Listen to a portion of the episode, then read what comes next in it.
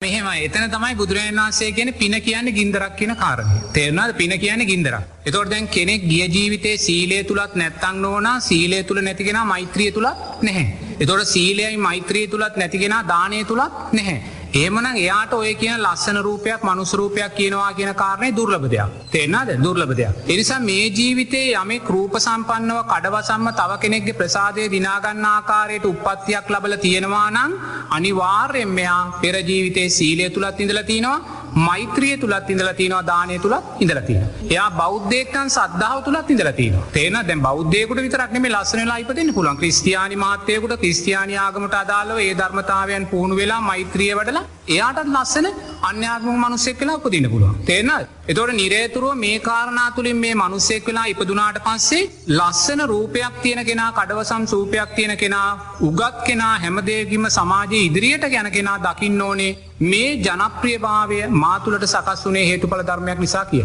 එන මොකක්ද හේතුඵල ධර්මය? බෞද්ධෙක් නම් සද්ධාව සීලය දානය මෛත්‍රී. මේ වර්තමාන සමාජයේ ජීවත් වෙන්න වූ සෑම ජනප්‍රිය චරිතයක් කියන නෝනා දිය ජීවිතේ මේ කාරණාවන්ගෙන් පරිපූර්ණ කෙනෙක්මයි. එතොට ආයක දකින්න ඕන මට මේ ලස්සන ජීවිතය ලැබුණ මගේ අම්මාතාත්තා නිසා නෙමේ තේනත් මට ලස්සන අම්මාතාත්තා කෙනෙක් ලැබුණෙත් මගේ පෙරජීවිතය සංස්කාරය නිසා. තේන එතොට මේ සංස්කාරයන් නිසා ලැබුණාව මේ ජීවිතය ලැබුණට පස්සේ බුදුරජාණන් වහන්සේ කියන මේ පින ගින්දරක් හැටියට දකින්න කිය.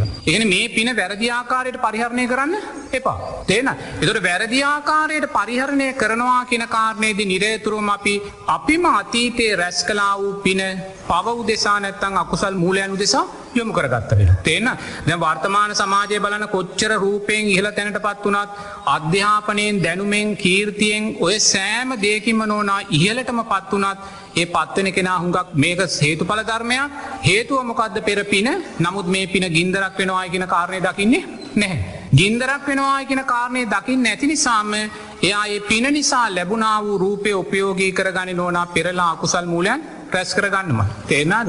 එනිසා නිරේතුරුවම අපි දක්ෂ වෙන්න ඕනේ අපි ජීවිතේ ලැබවා වූ යම් ධනාත්මක දෙයක් තියෙනවනල් ලස්සන වේවා දැනුම වේවා පෝසත්කම වේවා කඩවසම්භාවය වේවා තනතුරු වේවා මේ සෑම දෙයක්ම අපි රැස් කලා වූ සංස්කාරයක් සංස්කාරයන්ට අදාළවයි අපිට මේ දේ ලැබිල තියෙන්නේ එනිසා මේ ලැබුණා වූ දේ ප්‍රවේශමෙන් පරිහරණය කරන්න ඕනේ කියන කාරණය දැනකයි. ප්‍රවේශමෙන් පරිහරණය නොවන තාක්කල් නෝනා අපි නිරේතුරුව මේ පෙර පින නිසා නැවත පවකර ගනිමින් අකුසල් මූරයන් කර ගනිමිනි ජීවත්තෙන්. එතින්ද ඔබතුමී අහන ප්‍රශ්නය තමයි අතීතය යම් කාන්තාවක් කාමේ වරදවා හැසුරුණ බව ඇත්ත එනිසා ස්ත්‍රීත්වයට පත් වනා.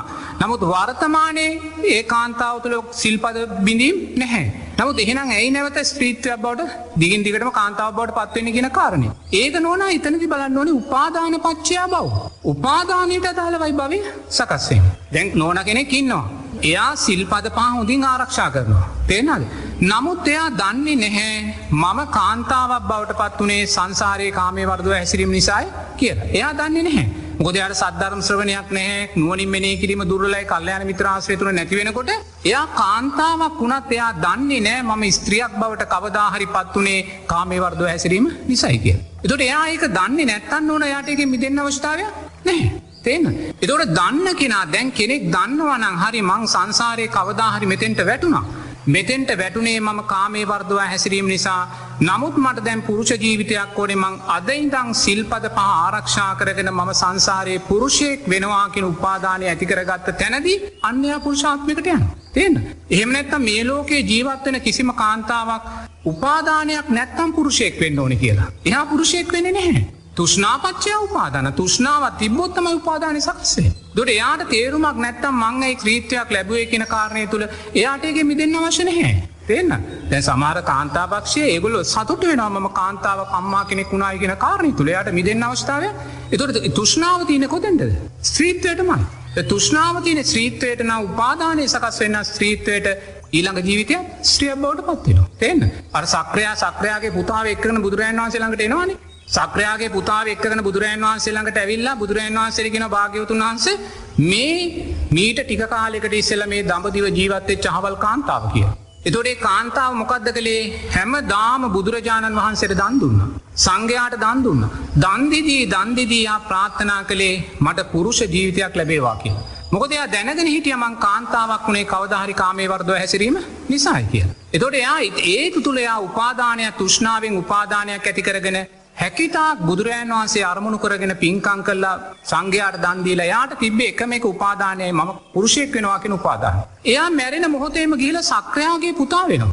මොද මෙතන බුදුරජන් වහන්සේලාට රහතන් වහන්සේලාට මහාසන්ගේ අරමුණු කරගෙන දුන්නා උදානයන්ගේ ආනිසංසහ සක්‍රයාගේ පුතා බවට පත්වෙන. එත සක්‍රයා කියන භාග්‍යතුන් වහස මේ පුතා අහවල් කාන් ස්ත්‍රිය කියලා. එතොට ඒ කාන්තාවට උපාදානයක් තිබ මම පුරුෂයෙක් වෙනවා කියලා. තිේන්න. නමුත් වර්තමානය කාන්තාපක්ෂයෙන් සීයට අනුවක්ම දන්නේ නැහැ මේ ස්ත්‍රීත්වයක් ලැබුණේ හේතුඵල ධර්මයක් නිසායි කියල. එතොට ඒක නොදන්න නිසා යාතුළ උපාදානයක් සකස් වෙන්නේ තුෂ්නාවක් සකස් වෙන්නේ ම නැවත පිරිමියෙක් වෙන්න ඕනේ කියනකාරන. හුඟාක්ම කාන්තාපක්ෂය හිතන් ඉන්නේ පිරිමි පක්ෂ හැමදාම පිරිමි වෙලා පිරිමිවෙලා ඉපදෙනවා කාන්තා පක්ෂ හැමදලා කාන්තා වෙලා ඉපදන එහෙමද යන්න මෙතන තින හේතු පලධර්ම. එතොට මේ හේතු පලධර්මය දකමින් යම් කෙනෙක් කොච්චර සිල්පද පාතුළ ආරක්ෂා කරලා බ්‍රහ්මචාරී ජීවිතයක් ගත කළත්. එයා තුළ පිරිමියෙක් වෙන් උපාදානයක් නැත්තන් එයා ඊළඟ ජීවිතේ දෙවියෙකුුණත් දිව්‍යංගනාව බවට පත්ේ. දෙවියෙකුණ දිව්‍යංගන බවට පත් මොක දෙයක්තුළ තුෂ්නාවක් නෑනකට එන එතොට කල්්‍යයාන මිත්‍රාසේ සද්ධර්මසවනය නුවනින් මෙනෙහි කිරීම තමයි මෙන්න මේ හේතු පල ධර්මය මතු කළ පෙන්න්නන්නේ. එතොට හේතු පල ධර්මය නුවනින් මෙනෙහි කිරීම තුළ ජීවිතයට ගත්තක ස්ත්‍රිය කාන්තාව එයා තුෂ්නාව ඇති කරගන්නවා මම ඊළඟ ජීවිතය පිරිමියෙක්කෙනවා කිය. එතොට මේ මොහොතේ සිල්පදපා හොඳින් ආරක්ෂා කරගෙන ජීවත්වෙන කෙනෙක් කාන්තාවක් ඉන්න බව ඇත්ත තේරන දෙයා තුළ කිසිම කාමේ වර්දව හැසිරීම සිදු නොවෙන බවත් ඇත්ත. නමුත් එයාට පුරුෂයෙක් වෙන්න ඕනේ කියල උපාදානයක් නැත්තා එයා ඊළඟ ජීවිත ස්ත්‍රියක්. තියෙන දෙවියෙක් වුණ දිවලෝකටික දවයන්න. එච්චරයි. මෙතන තුෂ්නාවෙන් ඇතිකරගත් උපාදානයක් තියෙන් ඕනේ හේතු පල ධර්මයන් දැකලා මම ඊළඟ ජීවිතය පුරුෂයෙක් වෙනවා කියලා.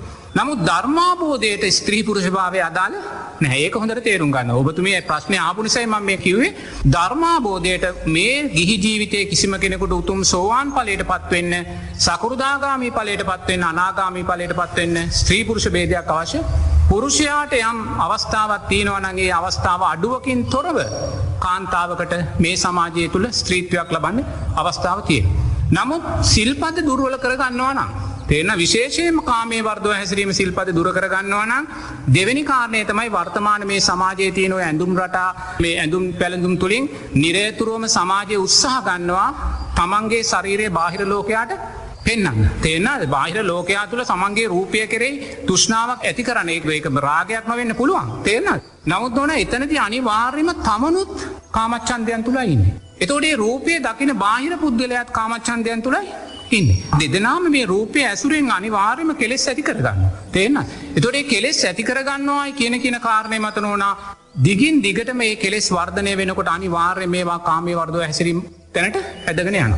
තේන්න එදගෙන යන හොඳේ එනිසා නිරේතුරුවම කාමේ වර්දව හැසිරීම කියන කාරණය වගේම මේ තමන්ගේ සංසාර පිනට ලැබුණාව මේ ශරීරය නෝනා අපි සීමාව ඉක්මවා බාහිර සමාජයේ කාමච්චන්දයන් උදෙසාපි යොමු කොළොත් එම නැත්තන් සිල්පද බිඳීම උදෙසා යොමු කොළොත් අනිවාර්යම නෝනා ඒකත් බරපතල අකුසලයක් බවට පත්වෙනවා. තේෙන්න්නද.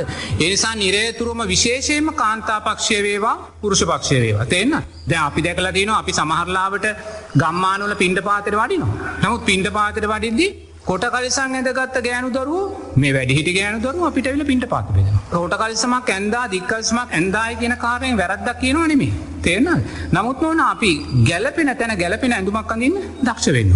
කාන්තාපක්ෂය කෙන කොට කලිසමක් ඇදන් අපිළඟට එල පින්ඩ පාතර බෙදුවට අපිටිතින් කරන්න දෙයක් නැහැ.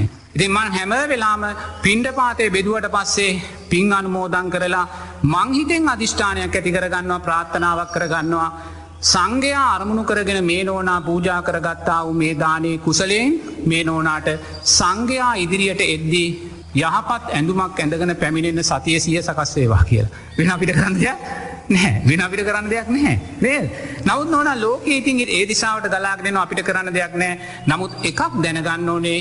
කාමේ වර්දවා හැසිරීම පිරිමි කෙනෙක් කළත් කාන්තාවක් කළ ඒ වගේම රූපය වැරදිආකාරයෙන් අපි පරිහරණය කරනනම් අනුන්ගේ කාමච්චන්දයන් ඇතිවීම සඳහා කවදක්වත් නෝන අපිට දිව්‍ය තලයක උපතක්නල් ලබන්න බැහැ. ඒක හොඳට තේරුම් ගන්න.